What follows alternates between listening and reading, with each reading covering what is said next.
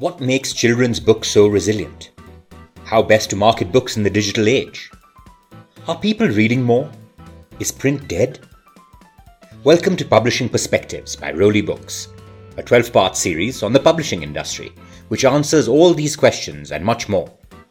Over the next 12 weeks, we bring you the best publishing minds from across the world to share their expertise and experience. Episode 2 The Nuts and Bolts of Independent Publishing. What are the basics of independent publishing? What are the problems faced by independent publishers during the COVID 19 crisis and lockdown? Can the crisis also present them with opportunities along with challenges? Today we have with us Urvashi Butalia, who's the co founder of Kali for Women, India's first feminist publishing house, set up in 1984. She is currently director of Zubaan Publishers, which began as an imprint of Kali for Women. She has a long history of involvement in the women's movement in India. She has won several awards, including the Pandora Award for Publishing, the Chevalier Ordre des Arts et des Lettres, the Goethe Medal, and the Padma Shri. Naveen Kishore is a theatre practitioner by heart.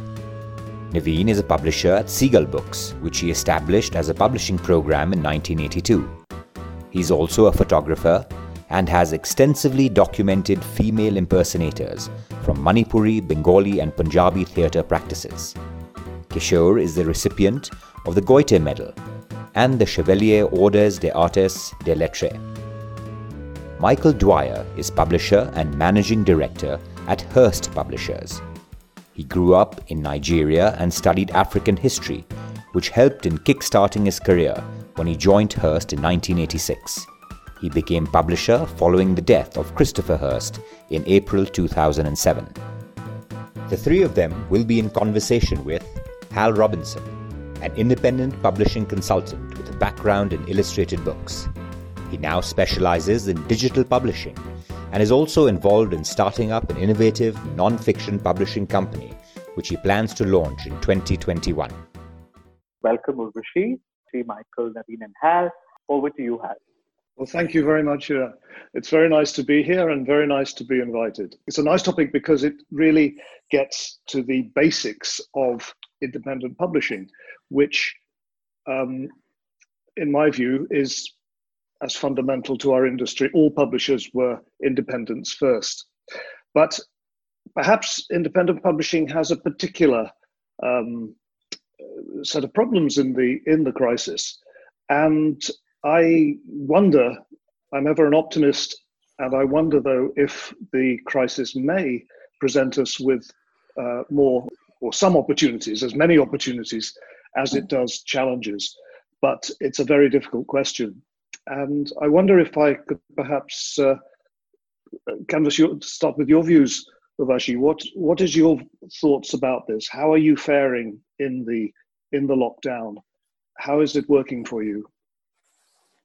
Um, well, Hal, you know, if you are independent and if you're small, I mean, there are independents and independents, and you can be independent and be large and fairly well resourced. The smaller ones are the ones who actually don't have a lot of money. So your entire life is made up of lurching from crisis to crisis. If it isn't a crisis of distribution, it is a crisis of something else, you're losing staff, and so on and so forth. So, in many ways, this is yet another of the crises that we uh, continually face, and we will have to deal this, with this one as well. Of course, what it has done is it's pushed us out of our offices into our homes, and uh, that involves a whole new way of functioning and thinking. Uh, thinking much more digitally than we have ever done before, and I think that most publishers have ever done before. But in a sense, um, it is really just another crisis, and uh, one has to deal with it in the best possible way and see if we come out of it. Um, I mean, I suspect we'll come out of it struggling, but I'm determined that we do come out of it. Here in the UK, um, I, I, it's not, it's not uh, proving entirely uh, satisfactory. Um, so perhaps I can move, ask you, Michael, how are you finding it, given that we have some uh, support, the furlough scheme and the potential of some financial support from from government. Is that providing benefits? Uh, benefits we, we're yet to see because we get paid on the furlough scheme for our employees retrospectively. So I've taken steps to follow, furlough four staff, but only uh, one has been furloughed to date.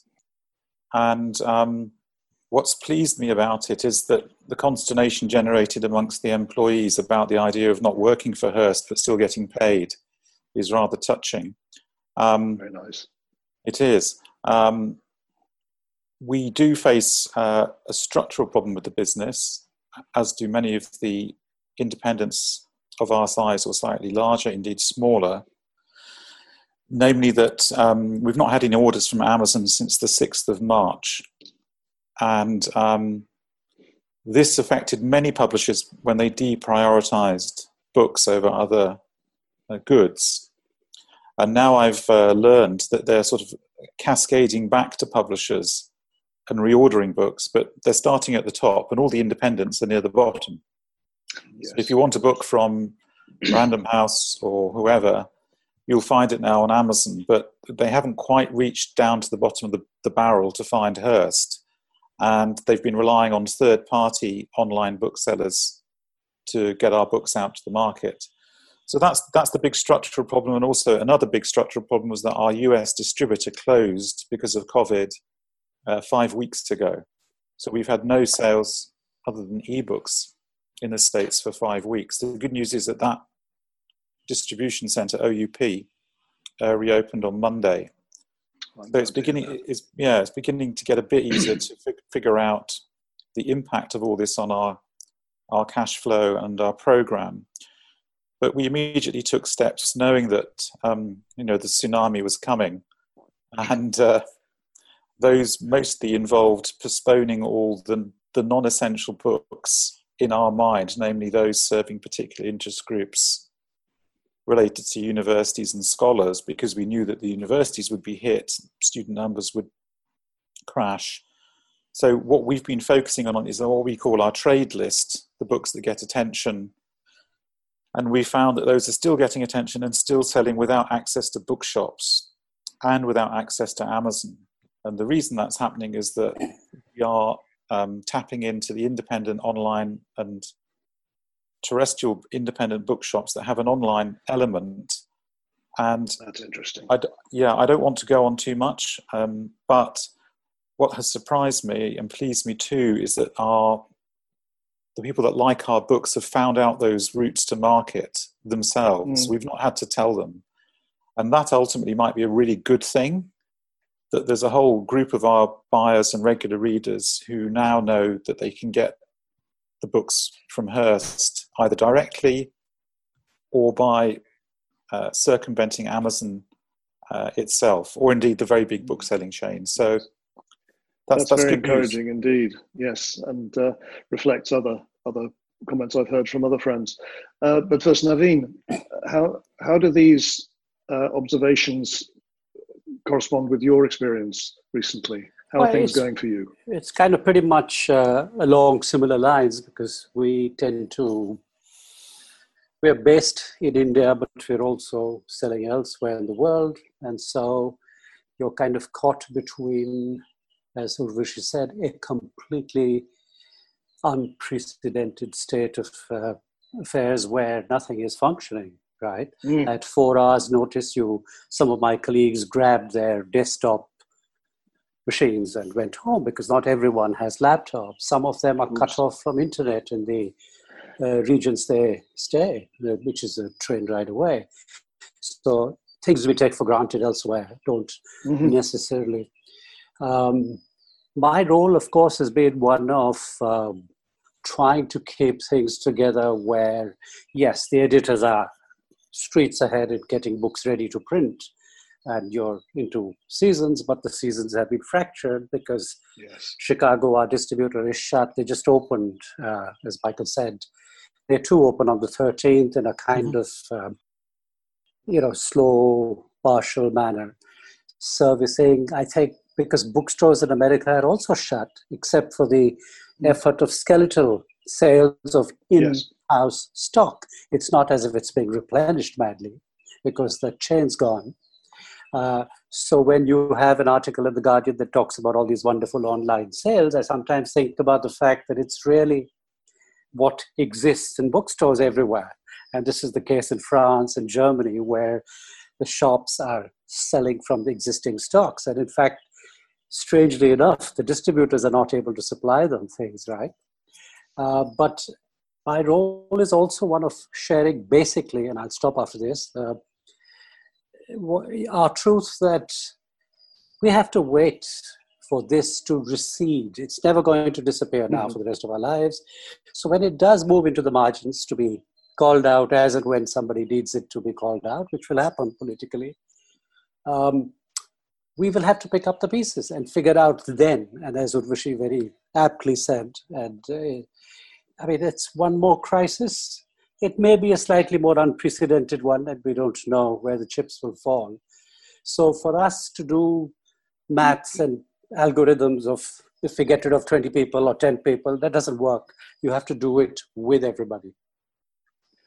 Yes, and the, uh, the, the sense I've come across in, in many discussions is this growing awareness of community, which we somehow took for granted. I don't say in a negative way, but um, we have our community of suppliers, our communities of readers, um, the authors. It's I, it seems to me that I hear people saying this is everyone has become that much more conscious of this, and again, I'm not sure if that corresponds with with your experience, but I'm hopeful that if it does, there may be some interesting outcomes. Um, and again, may I um, ask Urvashi again? Have you uh, your, your your publishing is is is very strongly ideas oriented and and people oriented. Do you do you have uh, a clear, strong sense of your um, wider community um, uh, as a more than just an ecosystem, but your your reader community, your writer community. Um, is this something that corresponds with your experience, and do you think this will grow in the future? You know, I think Hal. Um, let me just say that the uh, I said earlier that we lurch from crisis to crisis. Yes. I think uh, what's different about this crisis is that we're all caught in it. You know, um, yeah. earlier you might have had a crisis where your distributor decided that I can't stock your books in my warehouse anymore, and then you're stuck with what to do with the overstocks, or independent bookstores are shutting down. But here, everything's shutting down, and uh, we're all caught in it together, whether it's the readers, or the distributors, or the booksellers, or the publishers, or the writers. Um, so it's that much more difficult to think your way out of it because as a publisher, you have to think of all of those communities. I have to be aware of uh, the people who work in our publishing house and what is going to happen to their lives. But if no mm-hmm. book has been sold in all of March and all of April, and there's no income, and we've never been in this situation before. No. So you have to think on your feet about that. And yes, you're absolutely right that for publishing houses that are uh, idea based and that are deeply political, like we are, mm-hmm. our mandate is really not necessarily to make a profit, because if we do, it's great. But if we can break even and keep the feminist voice alive, to amplify that voice, to get it mm-hmm. out there, that's really what we're about, right? Yes. So, absolutely. and books are the medium that we use. So our mm. community out there is a very committed and very loyal and very interested and invested community. And I think we can rely on their support, um, not necessarily in terms of money, but at least keeping, uh, keeping the interest going. We've noticed that now we organize, organize webinars like everybody does, but on uh, the feminist perspectives on COVID, and we get huge numbers of people coming into it. And it's all our authors who are speaking there. So, in some ways, if you cannot go in the direction that you have always known or thought is the direction to go, and you don't have any money coming in, you don't have any support, you have to think on your feet on how mm-hmm. to keep those connections alive, which I think is what all of us are trying to do at this time. Yes.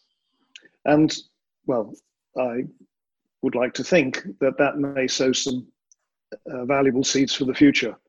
But uh, I I don't know. We we we, we will we will all see. It's too soon to know. Yes. I don't think it's. I don't know if it's going to get us more sales, but I think in terms of no, yes, being in touch with your community and remaining mm-hmm. committed mm-hmm. to them, that I think is it's very important. And reinforcing the relevance and uh, and feeling that sense of of support. How does this correspond with your experience, Michael?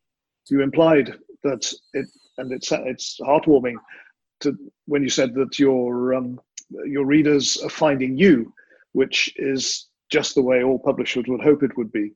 Can you go further than that?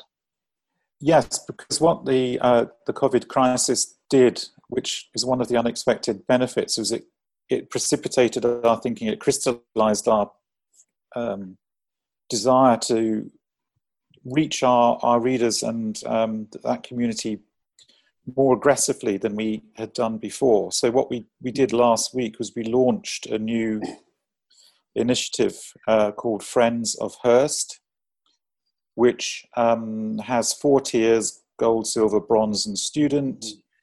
You pay money up front to us, and in return, uh, this uh, goes against the normal model. In return, we send, we curate and send you books randomly, depending on the profile that you send us about yourself and what else we know. And um, we've had a, a really astonishing take up and uh, from all sorts of people that we had no idea about existing customers friends of friends and that sort of thing. And uh, it's been great for another reason too which is it's helped galvanize my colleagues all sitting separately in london to make them understand in a different way that although we're based in london we, we publish on global issues um, and you know never never stray from that that there are people all over the place that like our list, like our books, like some of our mm-hmm. authors. So I, I found it, although it was done by my colleagues, I just sort of, you know, nudged the tiller here and there. They were very good on that.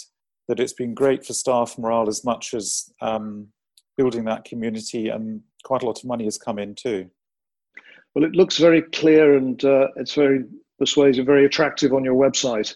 It's uh, it's simple, clear way of looking at things and uh, uh, impressive. It's it's almost like a new generation book club in the making, perhaps, but maybe that's yeah. thinking too far ahead. I guess, but you know, I remember when I was much younger being in some book clubs and get, getting sent books, you know, randomly if you tick the box history or politics, and yes. I, I, got yeah. an awful lot of rubbish. But um, we hope we we hope we'll be a bit more yes. attentive to what we send people out. Thank you and um, there was a very interesting um, discussion in last week's publishing perspectives by um, Michael Moushabeck and the way he's working on that. But hmm. um, perhaps Naveen, you may have something to uh, comment on on this before I talk about talk about Michel.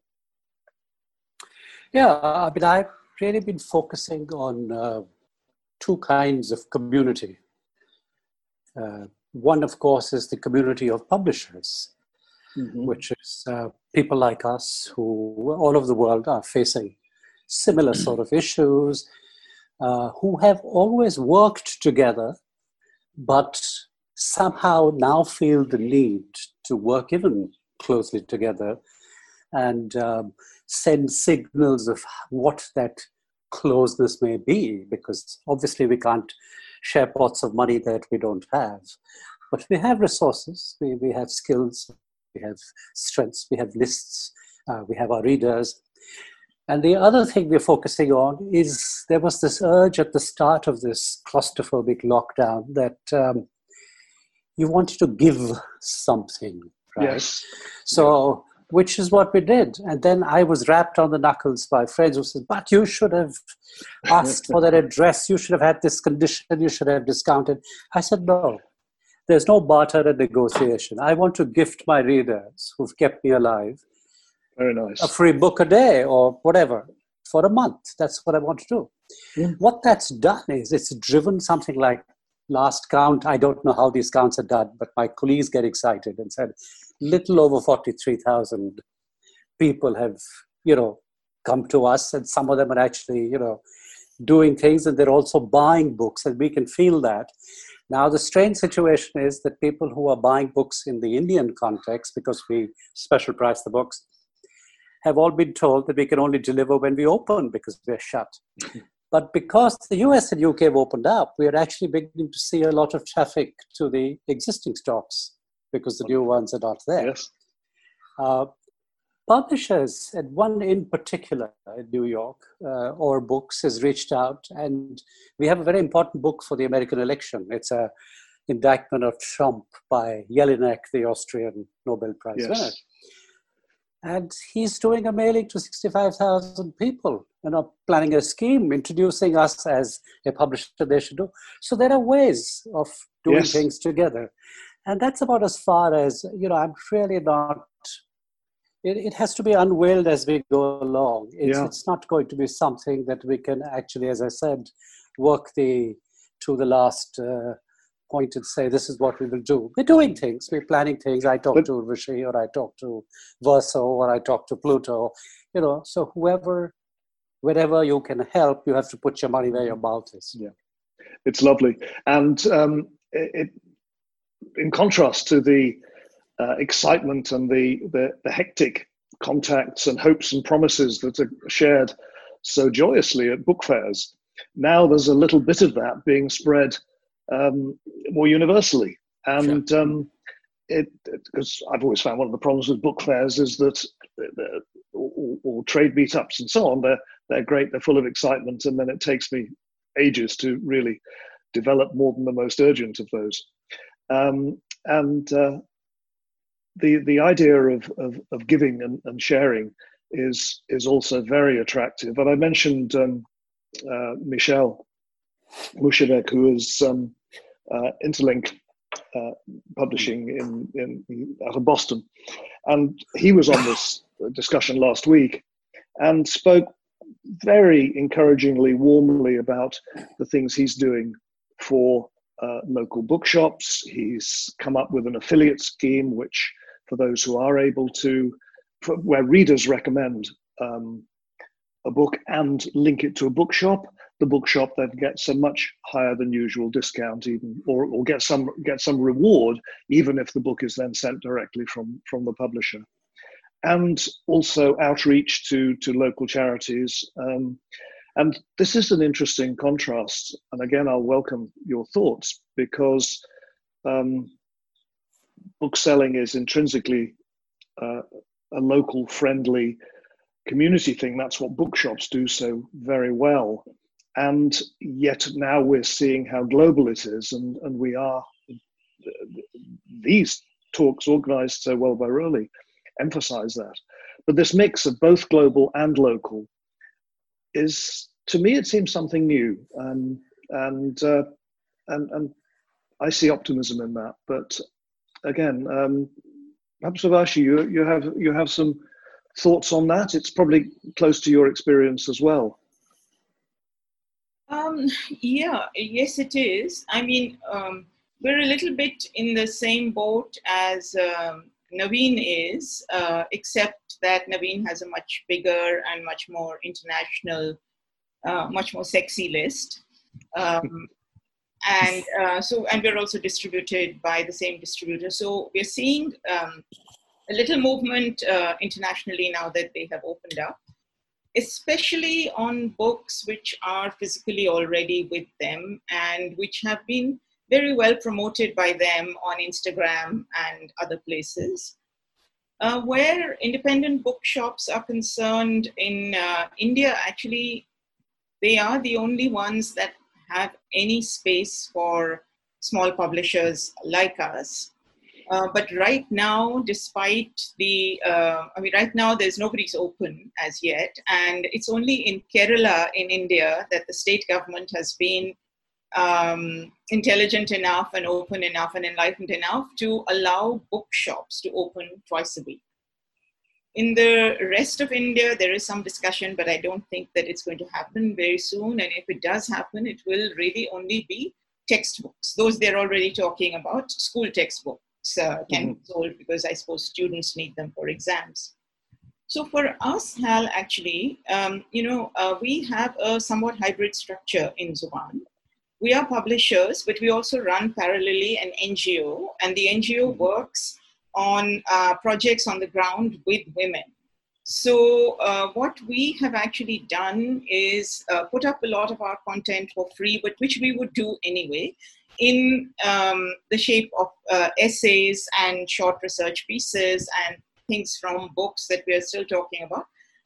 But we've turned our focus much more to the work of the NGO, which is working on the ground with poor women and which is providing relief and rehabilitation and uh, through groups on the ground and thinking with a gender perspective on relief and rehabilitation. So not only food, but also sanitary napkins, let's mm-hmm. say, you know, looking yeah. at not only hunger, but also menstrual health. And we've been, um, the, the discussions that we are organizing focus on a lot of these things. But in a sense, they involve our authors. So they bring those two worlds mm. together.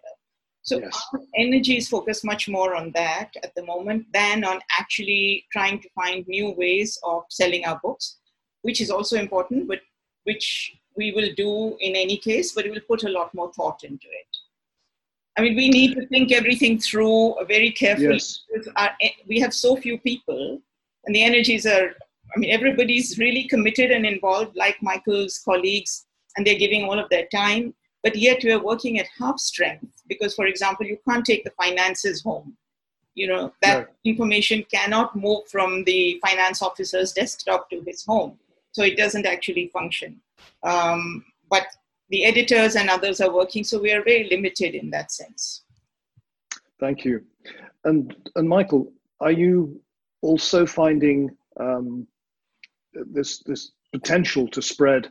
Um, yes, as publishers, we're providing information, but we mostly do it through books historically. But are you finding other ways, such as uh, not for profits or uh, charitable works charitable organizations. Are you finding ways to um, ally with them in this in this crisis when there's such a great need? We haven't done to date, no, and um, we have no immediate plans to do that. To be to be honest, um, what we are doing is profiling through a podcast series we launched. What we think are the classic books that we have published in the past, because we thought also it was important not to um, uh, focus so much on the front list, but on the back list and the timeless, or in our view, timeless books that we've published.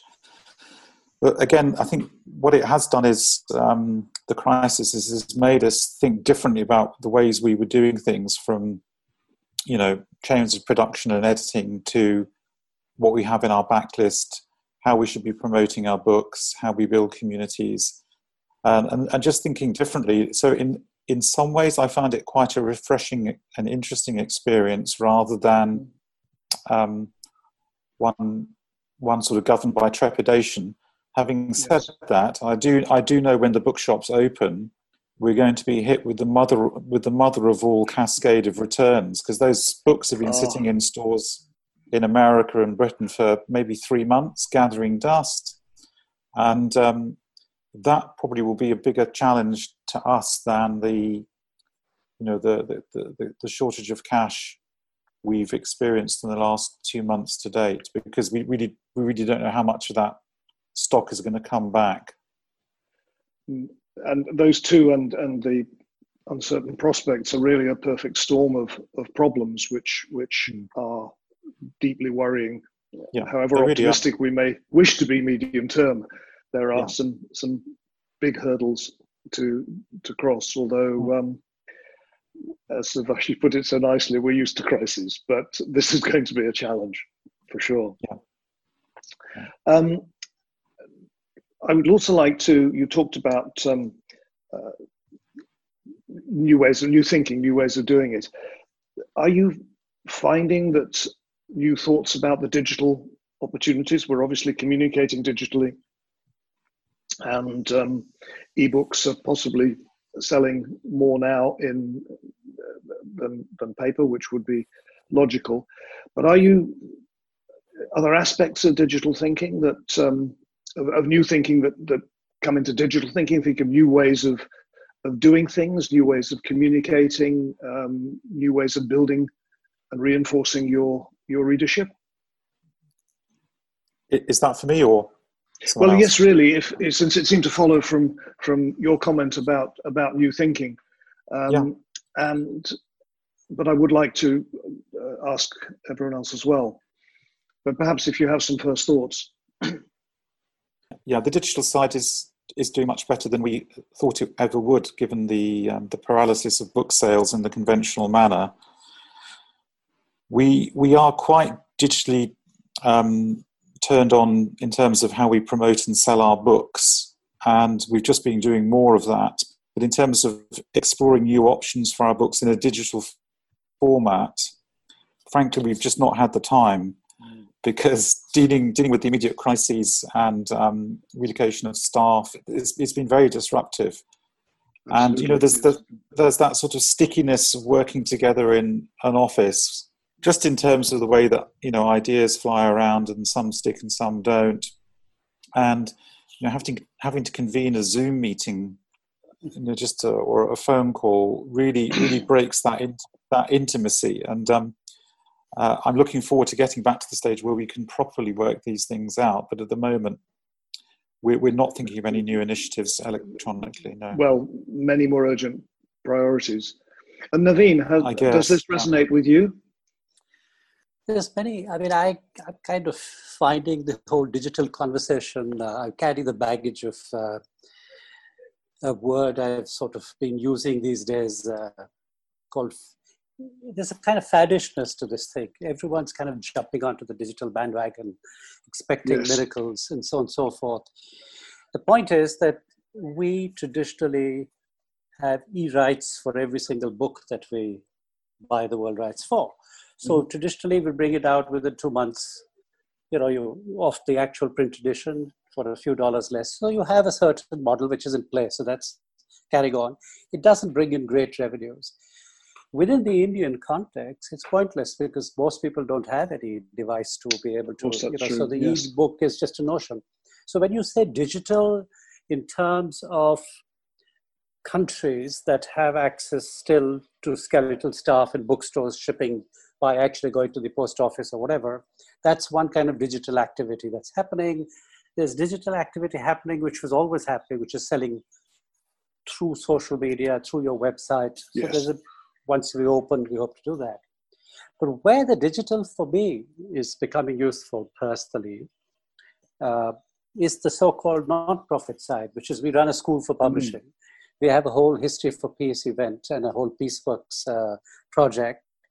So we're just shifting a lot of people we're reaching out to for support for the school, and everybody wanted to know what we were planning to do with the school. And we've come up with a whole digital plan, which is not about Zooms necessarily. It's about physical workbooks that get to students all over the world. Yeah. And then interactive exercises, which also happen. So it could be Hal doing a masterclass like he's doing now with a bunch of students in real time and yes. who have books that have augmented reality so they can download software mm. and actually see a walkthrough of a printing press. So things like that so you're working towards a lot of that kind of thinking. And as Michael said, we're in the eye of this whole storm, we, we, mm. you know, where there is a certain enforced calm, which is not even helping me read enough. I was reading much more than I was doing. So there's a kind of anxiety, but there's also a kind of calm. Yeah. And so, you know, you're replenishing, but you're also losing some of that very quickly. Yeah. So it's like exercising without physically moving around enough. So we'll see. I'd, I'd rather wait wait for this. Oh, it, it's certainly too too soon.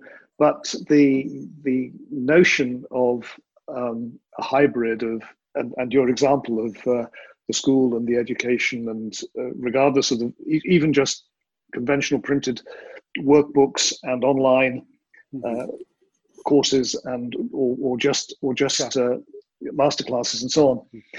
is is something that I've seen even before this crisis. Sure. Yeah.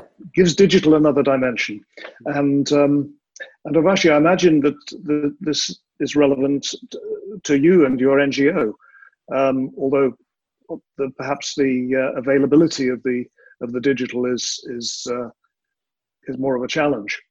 It is a bit more of a challenge, but actually, uh, you know, what's interesting is, and Hal, I would really like to hear from you as well about your work. But um, very quickly, I think what we are being forced to think of is the sort of things that the physical uh, did not allow us to do, which yes. the digital offers us. And uh, I want to mention two or three things that we are doing, which earlier, uh, you know, were ideas we had in our head, but they, it, they were impossible to work out. We're able to connect with our authors across India very quickly. So um, I can bring in an author from Chennai in real time to speak about something to either my colleagues or a class I'm teaching or whatever we can bring in somebody from Chennai, somebody from um, New York together at the same time if time zones match. So we are much more in touch with our authors. Then, for example, uh, we work a great deal in the northeastern states in India, and we publish a mm-hmm. lot on there. And we had wanted very much to do a photography book, which is uh, an impossibility unless we have funding for it. But what we've done is we're working with a whole range of women photographers who are photographing, documenting the lockdown in their homes. So it is lockdown stories through uh, visual stuff. And at some stage, we will bring that together and we'll find the money and we'll publish a book out of it. And there is a documentation and a history, and it's creative and it'll be beautiful. And then we had another thing that we want very much wanted to publish, do, which was a series of conversations between women in the South Asian region across borders. In our heads, this initiative is called Cross Border Conversations, where mm-hmm. feminists come together to talk about all kinds of cross border issues and have conversations about, say, the nuclear um, sort of race in, between India and Pakistan, or the borders between Bangladesh and India, or the conflict in Sri Lanka and what happened to women there, all, all sorts of things and we wanted to turn these into small books. Now we can conduct those conversations. Physically, yes. we were not allowed to have them because we couldn't travel to each other's countries. And eventually, they will lead to books. So, in a sense, it's pushing us into thinking creatively on how to use the digital. Ebooks, as Naveen said, you know, they they happen automatically. Yes, and uh, we are also sort of turning our backlist into ebooks, but the pre-PDF days require mm-hmm. a lot mm-hmm. of work but we're doing all of that with limited resources. Um, but these kind of things we didn't actually give much attention to previously. And now we are really thinking on our feet about them.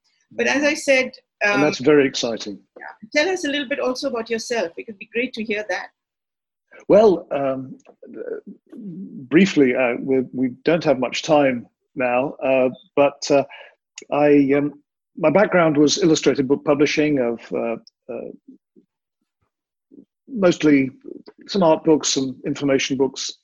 Um, and then, uh, actually, about 20 years ago, I got ideas about how databases and other digital technology could benefit, um, could liberate in many ways aspects of our industry. So I, I set up a software company that um, had uh, some innovative ideas about databases, and we worked reasonably well, but the uptake uh, among, I mean, the response from publishers was very friendly, but but didn't really go much further because uh, the, the reaction, oh, digital, that's cool, let's do ebooks. Well, it's it's a lot more than that. There were some wonderful examples. There's there's um, an extraordinary woman who uh, uh, was English and then moved to America and and had ideas to develop. It was a craft. Uh, oriented business, but she really explored ways to mix social media, books, events, teaching, and it even extended to um, authors becoming, oh, sorry, uh, readers becoming authors, and she helped uh, craft makers sell to each other.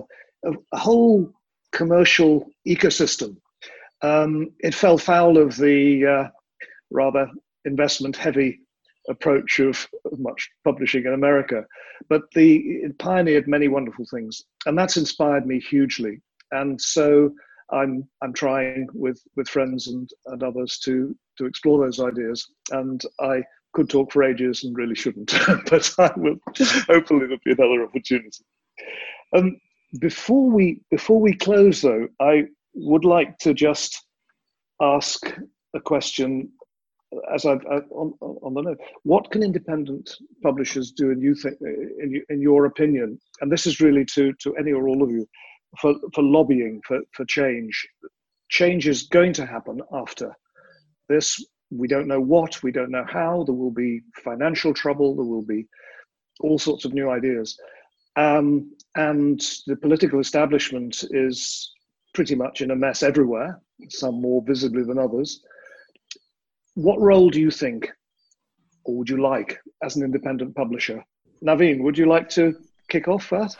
I recently read an article by uh, a friend, and uh, in which he was suggesting a 5% tax on books in India because he saw it as a kind of instrument of leverage that there will be some ways therefore of the government waking up and us becoming a lobby.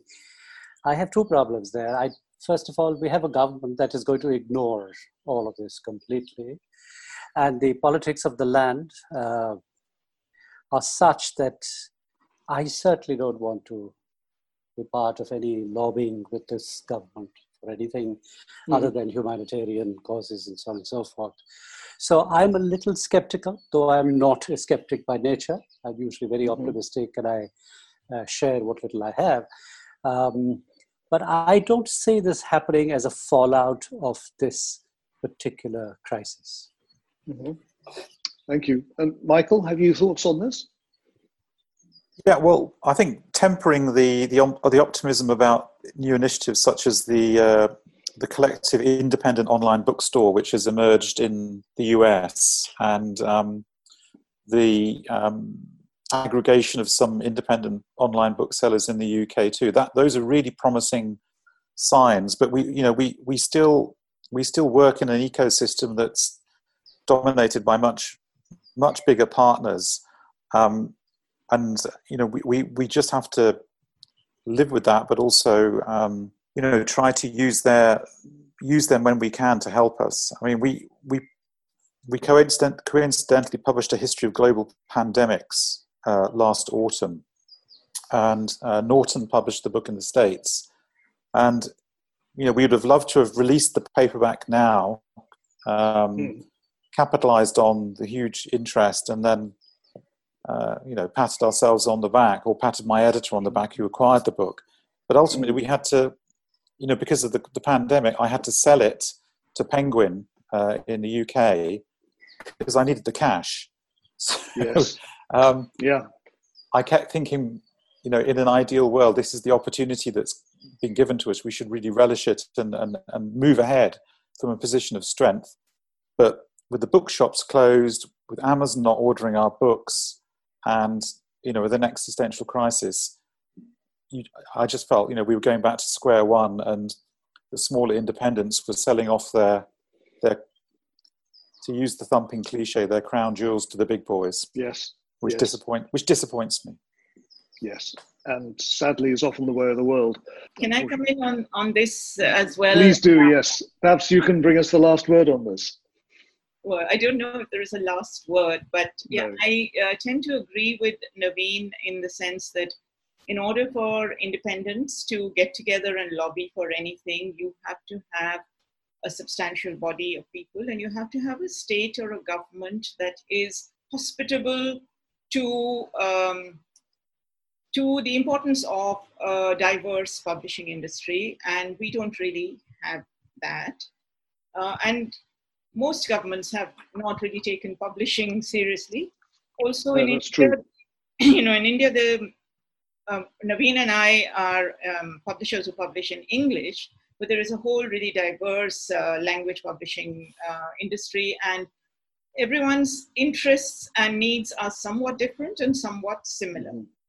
Yeah. So, if by any chance there is a big lobby made up not only of publishers but uh, also um, say magazine and newspaper publishers who can get the government to put a control for a while on paper prices we might gain stand to gain mm. a little hmm. bit from it but it won't be our lobbying strength because i think that is mostly non-existent I think what we do have is a sense of community among independents. We have our differences, but we are also able to come together.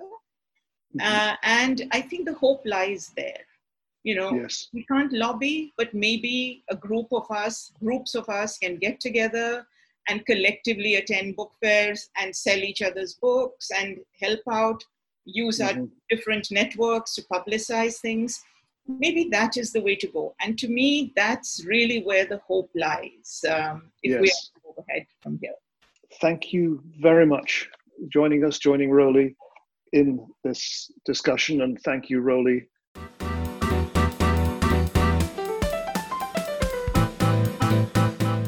Thank you for listening. If you enjoyed this episode, subscribe to Publishing Perspectives. Follow Roli Books on Twitter, Facebook, and Instagram and give us feedback. We would love to hear from you.